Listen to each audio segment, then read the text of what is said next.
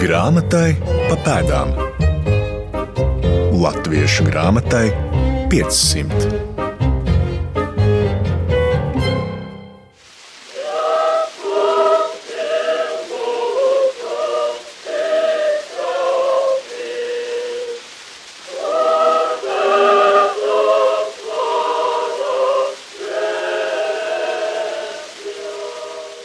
Mārtiņa Lutera pazīstamākais korālis Dievs kungs ir mūsu stiprā pils 19. gadsimta sākumā baznīcā no mutēs ir jau teju 300 gadus. Tik pierastas un pazīstamas ir šīs gadsimtu gaitā krātās un apgūtās baznīcas dziesmas, ka no vāciskās Eiropas nākošais racionālisma vilnis ar mēģinājumiem reformēt dziesmu grāmatas saskaras ar milzīgu pretestību. Mans vārds ir Māra Rozenberga, un šodien dosimies pa pēdām racionālistu dziesmu grāmatām un to atstātajiem nospiedumiem latviešu valodā un literatūrā. Grāmatai pa pēdām.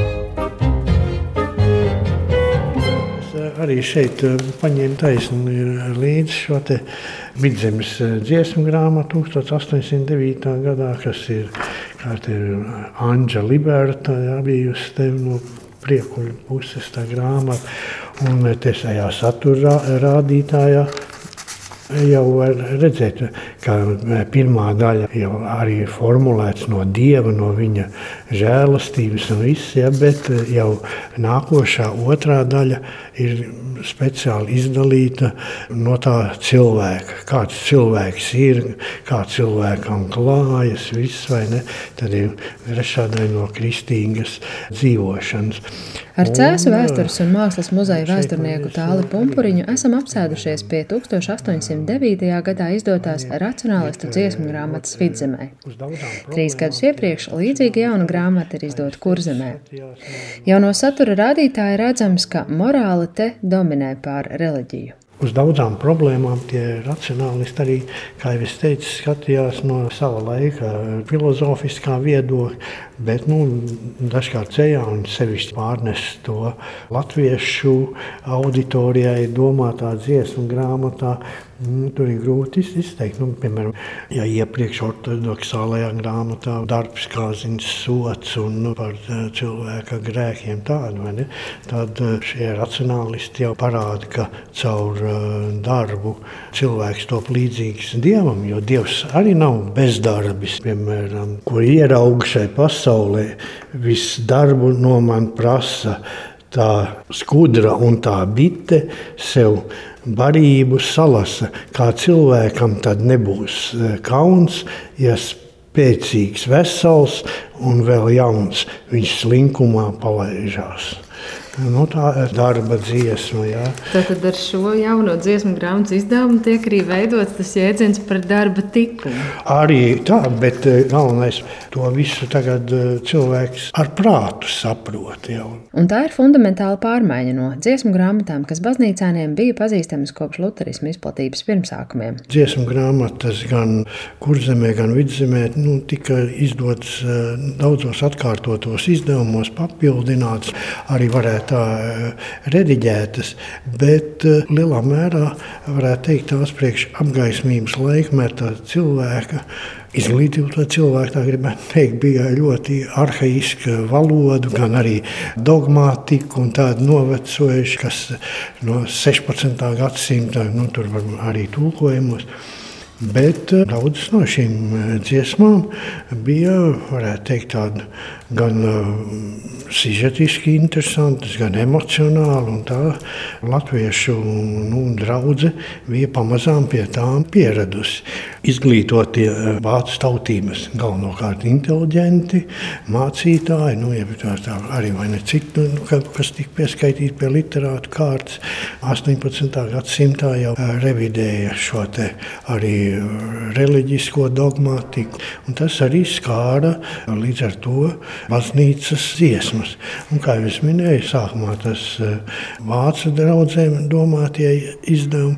Un šeit jāsaka, ka ienesa tās eh, jaunās eh, filozofiskās vēsmas, kas Rietumē Eiropā tajā brīdī valdīja, tās arī kaut kādā veidā transformētas šajā dziesmu grāmatās. Šīs jaunās vēsmas, ko dedzīgi atbalstīja arī daļa mācītāju Latvijas teritorijā, jaunajās dziesmu grāmatās ienāca gan saturā, gan noformējumā. Kā tas izskatījās, stāsta tāls pumpuriņš. Racionālistu dziesmu grāmatām, tad vai neteiksim, jau pats tas eh, grāmatas iekārtojums, jau atšķirībā no iepriekšējiem tā saucējiem ortodoksāliem, kas vairāk vai neteiksim tādām baznīcas gada aspektā bija liturģijai piemērots, tad šajās te grāmatās liela daļa ir, nu, ja tā varētu teikt, domāta par cilvēku, par ētiskajām vai neteiksim, tādām problēmām. Un, un līdz ar to tā bieži vien grāmatas tādas varētu teikt salīdzinoši sausas. Pat daži pētnieki nu, atzīmē, ka tādas tīri moralizējušas ir palikuši. Atklājam tekstus! Trāpīgu piemēru, kā 17. gadsimta vācu izcelsmes latviešu dzinieka un valodnieka Kristofa Fīrekera garīgo dzēju jaunajā racionālistu dziesmu grāmatas versijā ir pārveidojis jaunais stenders, min literatūras zinātniece Māra Grudule. Kristofs Fīrekers, kuram ir pants. Tu gribēji dzimt mūsu pestīdams no jumpraviņas miesiņām. Tu sēdi pie labās rociņas, iekš tava tēva valstības. Un jaunās tendera labojums. Tu cilvēcību pieņēmis un mūs no grēkiem pestījis, tev zemes tautas padotas, tu valdi iekš tēva valstības. Nav vairs jumpraviņas miesiņas un nav vairs labās rociņas. Tad. Tāds mazāk emociju. Jā, tas ir tas, kas ir vairāk vērsts uz prātu, uz izpratni par to, kas ir Kristus, tātad zemju tautu valdnieks, bet ne tik daudz tā Kristus un viņa mātes ciešā emocionālā saikne, tā var teikt. Racionālistu pulciņi, kas šādi un līdzīgi pārveido vecās baznīcas dziesmas, ir gan kurzemē, gan vidzemē. Bet Māra Grudula aicina īpašu uzmanību pievērst tikko jau dzirdētajam jaunajam stenderam, jeb Aleksandram Johanam stenderam. Jo faktiski šo racionālo ievirzi un arī dziesmu grāmatās aizsāk vecais stenders. Viņš jau mēģina eh, mainīt ierasto skatu uz kurzemes dziesmu grāmatu, tur ir ilustrācijas, viņš citādi kārto lapas. Un, starp citu, vecais Stenders arī izdod jauna, izskaidrota dziesmu grāmatu 1783. gads, kur ir nosaukumā tas vārdiņš izskaidrot kas attiecās uz tekstiem, kas ir domāti vairāk tātad dziedāšanai, līdzi domāšanai, skaidri, vienkārši teksti. Un šo skaidrības izskaidrošanas tradīciju tad turpina arī jaunais tenders, viens no kurzemes grupas. Grāmatai pa pēdām. 19. gadsimta sākums ir nozīmīgu pārmaiņu laiks Baltijā. Tuvojas dzimbūšanas atcelšana, turpinās apgaismības laikmeta centieni izglītot vietējos zemniekus. Tālēnie teksti tiek ravēti ārā no dziesmu grāmatām, aizstājot tos ar tiešākiem un lietišķākiem. Bet jāņem vērā, ka dziesmu grāmatas tobrīd ir izplatītākā literatūra latviešu zemnieku vidū. Turpina Māra Grudula, un viņu papildina arī muzikoloģe Ilza Šarkovska Liepiņa. Dziesmu grāmata ir grāmata, kura šajā laikā, es domāju, varētu būt eh, katrā zemnieka mājā uz plaukta to ņem līdzi, kad iet uz dievkalpojumu. Tiem, kuriem ir vairāk naudas un arī patīk lasīšana, varbūt saimē vairāk lasītāji, tur būs arī bībele vai sprediķa grāmata, bet dziesmu grāmata būs. Un uh, dziesmu grāmata ir arī tāds uh, prestižs rādītājs, ja mēs paskatāmies gadsimtu garumā, kādos veidos dziesmu grāmatas ir iesietas. Protams, ka tu ej uz baznīcu svarīgi pa labi un pa kreisi, ka tevi ievēro ne tikai kas ir mugurā, bet arī tie ir ādas vāki vai koka vāki vienkārši un tā. Kas tev ir grāmatā ir mugurā?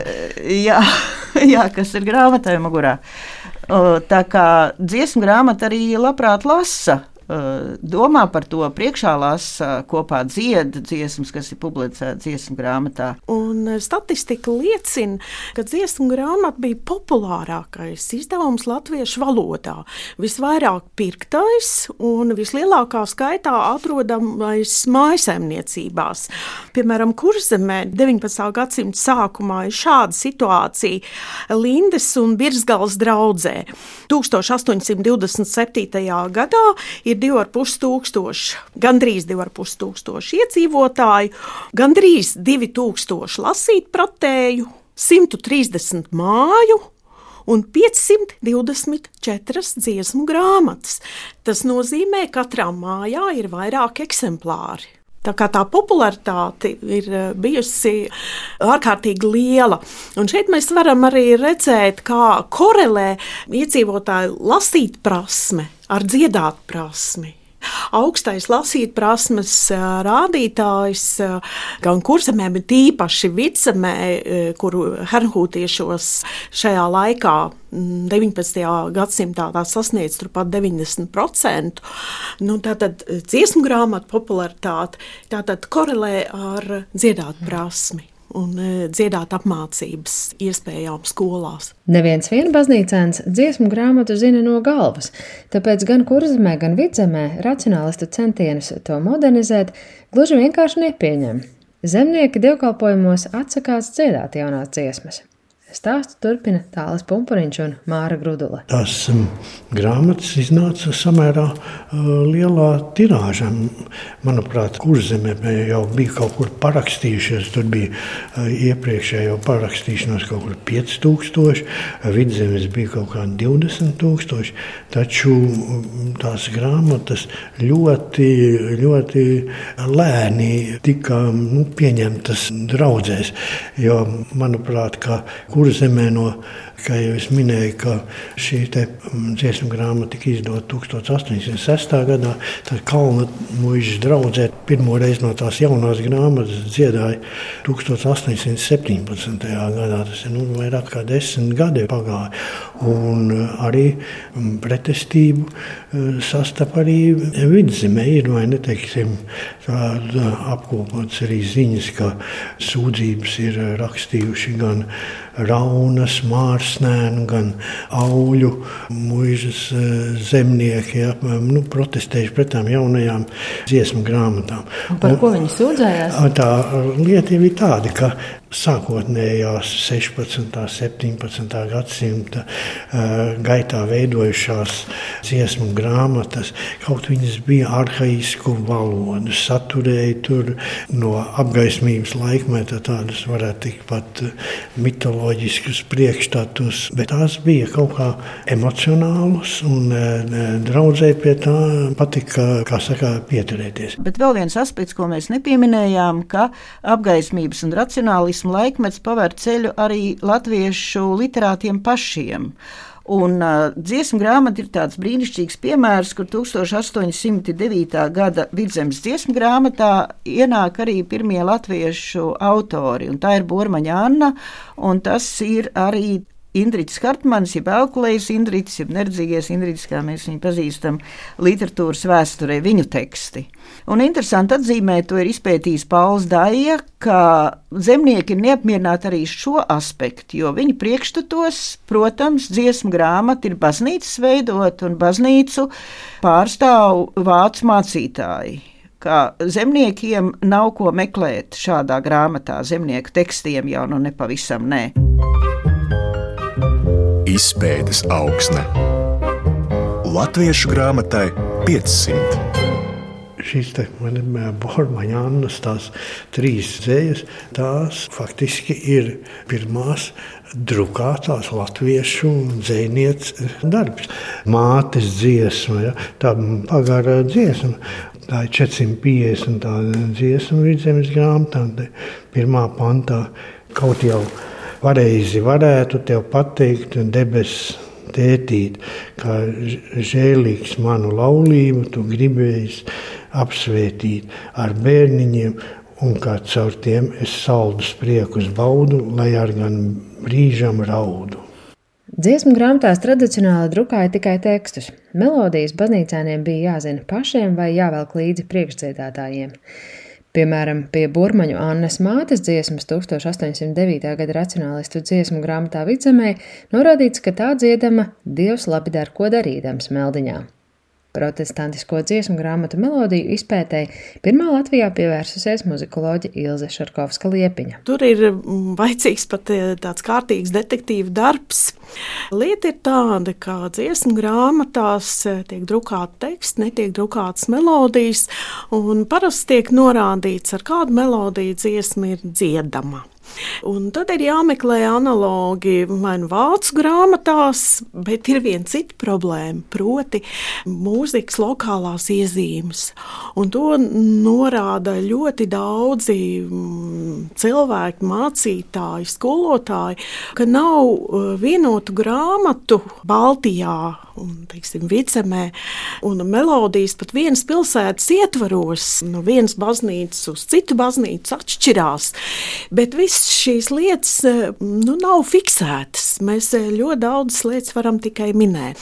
Jau 18. gadsimta beigās parādās pirmās korāļu grāmatas, proti, grāmatas, kuras cirkulēja rokrakstā, kuras tika pierakstītas no baznīcas ērģelniekiem, un viņi tā teikt veidoja uh, muzikālo atbalstu. Bet pašas melodijas. Uh, nonāca mutvārdu apritē jau no iepriekšējiem gadsimtiem.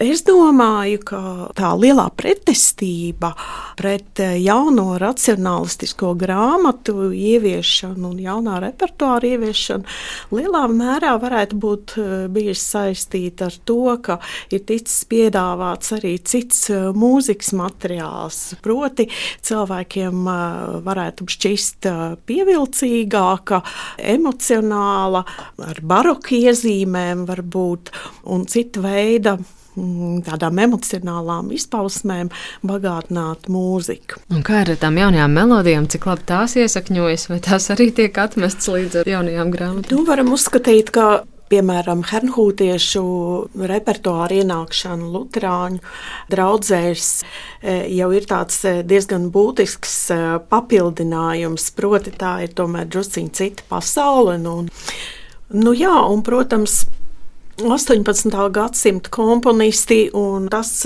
kā šo komponistu devums un dziesmu devums pamazām ienāk jaunajās grāmatās, tas jau nu arī ir fakts. Jo, piemēram, Ziemassvētku dziesma Klusa nakts, Svēta nakts jau ir radīta pietiekami vēlu. Jā, tad 18. gadsimts un 19. manuprāt jau ienāk arī dziesmu grāmatās. Bet radošais gars nesnauž. Jau 18. gadsimtā dziesmu skaits no grāmatas uz grāmatu strauji pieauga. Vēsturnieks Tāls Pumpuriņš atsaucas uz ilgadēju Valmieras mācītāju un literāta Jāņa Neilanda pētījumu par dziesmu grāmatām 20. gadsimta sākumā.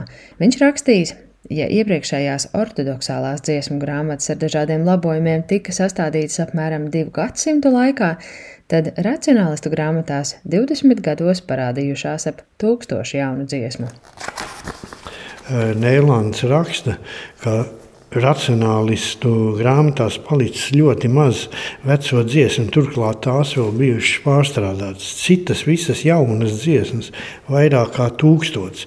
Varants darbs to veco dziesmu vietā, kas pat divu gadu simteņiem bija sakrājušās un gājušas no tēva tēviem uz bērnu bērniem, un tik 20 gadu starpā savākt tūkstots vācu un saradīt 600 latviešu jaunu dziesmu, tas ir strādāts ar tādu uzticību, kā reti kādā citā laikmetā. To godu tiem veciem tēviem racionālismu laikā nevar liekt. Tie ir kustējušies un lūkojuši ar karstu sirdi, ļaudis dabūt uz priekšu, ārā no vecām grumbām, uz jaunu glītu ceļu. Tie ir dzinušies visādā vīzē to prāta gaismu, kas pašiem ausus ir nest arī citiem un vecās tumsības saites raisīt. Taču pretestība pret jaunajām dziesmu grāmatām bija tik liela, ka dažos gadu desmitos, līdzīgi kā Vācijā, mācītājiem nācās lielā mērā atgriezties pie vecā parauga izdevumiem. Un iebilda ne jau baznīcāni vien. Literatūras zinātniece Māra Grudula zina stāstīt, ka arī Lutāņu mācītāju vidū racionālistiem nebija viennozīmīgs atbalsts. Jo, protams, ka arī Baltijas Lutāņu baznīca nav viendabīga. Mēs runājam par grupu racionālistu, mācītāju racionālistu, kurai ir arī pretstāvu mācītāju vidū, kur uzskata, ka tomēr ticība ir sirds ticība un ka tas arī ir, protams, redzams no zemnieku neapmierinātības. Tajā brīdī, kad tiek pavērts ceļš atkal vecajām dziesmu grāmatām, ļoti ātri arī notiek atgriešanās pie bijušiem tekstiem, un kas arī ir interesanti šiem tekstiem, vecās dziesmu grāmatas tekstiem tiek pievienots arī brāļu draudzes eh, dziesmas vidzemē. Mēs redzam Loskīla lielo popularitāti latviešu zemnieku vidū brāļu draudzēs, un tiek pavērts ceļš Loskīlam arī vidzemes dziesmu grāmatās. Tā kā tas pavērsiens atpakaļ uz sirds reliģiju ir ļoti eh, labi redzams. Bet vai kaut kas no tām racionālistu idejām tomēr iesakņojas arī tajās tālākajās dziesmu grāmatās, vai tas ir vienkārši tāds viens eh, uzliesmojums, kas tiek ātri apdzēsts un atgriežas viss vecajā slēdē? Es domāju, ka racionālas dziesmu grāmatas tādējādi uzlabo šos tekstus, ka tā ir ne tikai tēlēnības labošana, kura tiek pārskatīta un tomēr atgriežas pie tās zemniekiem pierastās barakālās tēlēnības, bet tā ir arī valodas labošana laikam ejot līdzi. Un varbūt tas ir tas, kas uh, dziesmu grāmatās saglabājas. Jo mēs redzam, 19. gadsimta garumā dziesmu grāmatas iznāk atkal un atkal, ienāk uh, latviešu mācītāju uh, teksti gadsimta vidū otrajā pusē Neikens un, un Auniņš, un arī tam iet līdzi valodas rediģēšana kas arī 20. gadsimtā ir ierasta lieta, veidojot jaunas iesgrāmatas, tiek pārskatīti teksti. Un tā nav tikai latviešu valoda, kas caur šo dziesmu grāmatu revolūcijas mēģinājumu iegūst jaunu kvalitāti. Dziesmu grāmatas ļauj arī ieskatīties latviešu dzejas un muzikālās kompozīcijas vēsturē, stāsta pētnieces Māra Grudula un Ilza Šarkovska liepiņa. Mēs runājam par Alnānu kā pagrieziena punktu latviešu dzējā, bet viņš jau izaug no dzejas tradīcijas, kur galvenokārt veido teksti, kas ir publicēti dziesmu grāmatās. Mēs varam izsekot arī dzīslu vēsturē no formas viedokļa, no ritma viedokļa. Var teikt, ka katram, katram latviešu literātam arī uh, pirmsākumā no ģimenes mantojumā nāk uh, garīgās dziesmas, dziesmu tēlainība un tematika, un arī tas, kā tiek veidots ritmisēts teksts. Ļoti interesanti. Līdz pat Veidenbaumam, kur mēs varam ieraudzīt garīgo dziesmu tēlainību. Viņš esot zinājis dziesmu grāmatu no galvas. Un tas, kā dziesmu stilistika ir ietekmējusi pirmos komponistus, arī piemēram Jānis Cimzem. Tas estētiskais ideāls bija četbalstīgais korāls. Viņš savus apgārus veidoja izējot no šī ideāla. Bet raidījuma noslēgumā vēl kāds no šodienas skatu punkta visai uzjautrinošs piemērs, cik ietekmīgs un vienojošs var būt dziesmu grāmatu spēks. 18. gadsimtā dziesmu grāmatās bija ienākušas tādas arī šodien visiem zināmas Ziemassvētku dziesmas kā Klusa nakts, Svēta nakts un Aktu priecīga. Es varu minēt Greblis, Kokaļs un Jēkab Vītoliņa grāmatu cīņas dziesmas, kur ir apkopots 905. gada revolūcijas dziesmas. Un tur mēs atrodam virkni populāro garīgo dziesmu un arī Ilzas minēto klusa nakts. Te ir arī aktu priecīga, aktu svētīga, kas ir pārfrazētas atbilstoši revolūcijas notikumiem, jo tā ir melodija, kuru visi zina. Un te ir aktu priecīga, aktu svētīga, Mūža deg liesmās, barons sēž briesmās, priecājies, priecājies, draudzē. Bija rakstītas uh, dziesmas no tautas. Klusa nakts, visi dus, cietumā tikai viens arestants nomodā. Mēs pat varam melodijai galvā skanot to izdziedāt. Lūk, man liekas, tas ir brīnišķīgs piemērs, cik liela nozīme ir dziesmu grāmatai. Uz šīs nots arī izskan šīs nedēļas raidījums grāmatē pa pēdām. Ar jums kopā bija Māra Rozenberga, un paldies maniem sarunbiedriem, vēsturniekam Tālim Pumpuriņam, literatūras zinātniecei Mārai Grudulai un muzikoloģijai Ilzai Šarkovskai Liepiņai. Raidījuma producente Santa Lauga par skaņu rūpējās Nora Mitspapa. Raidījuma cikla padomdevējs Latvijas Nacionālā biblioteka un Latvijas Universitātes Akadēmiskā biblioteka. Grāmatai pa pēdām. Latviešu grāmatai 500.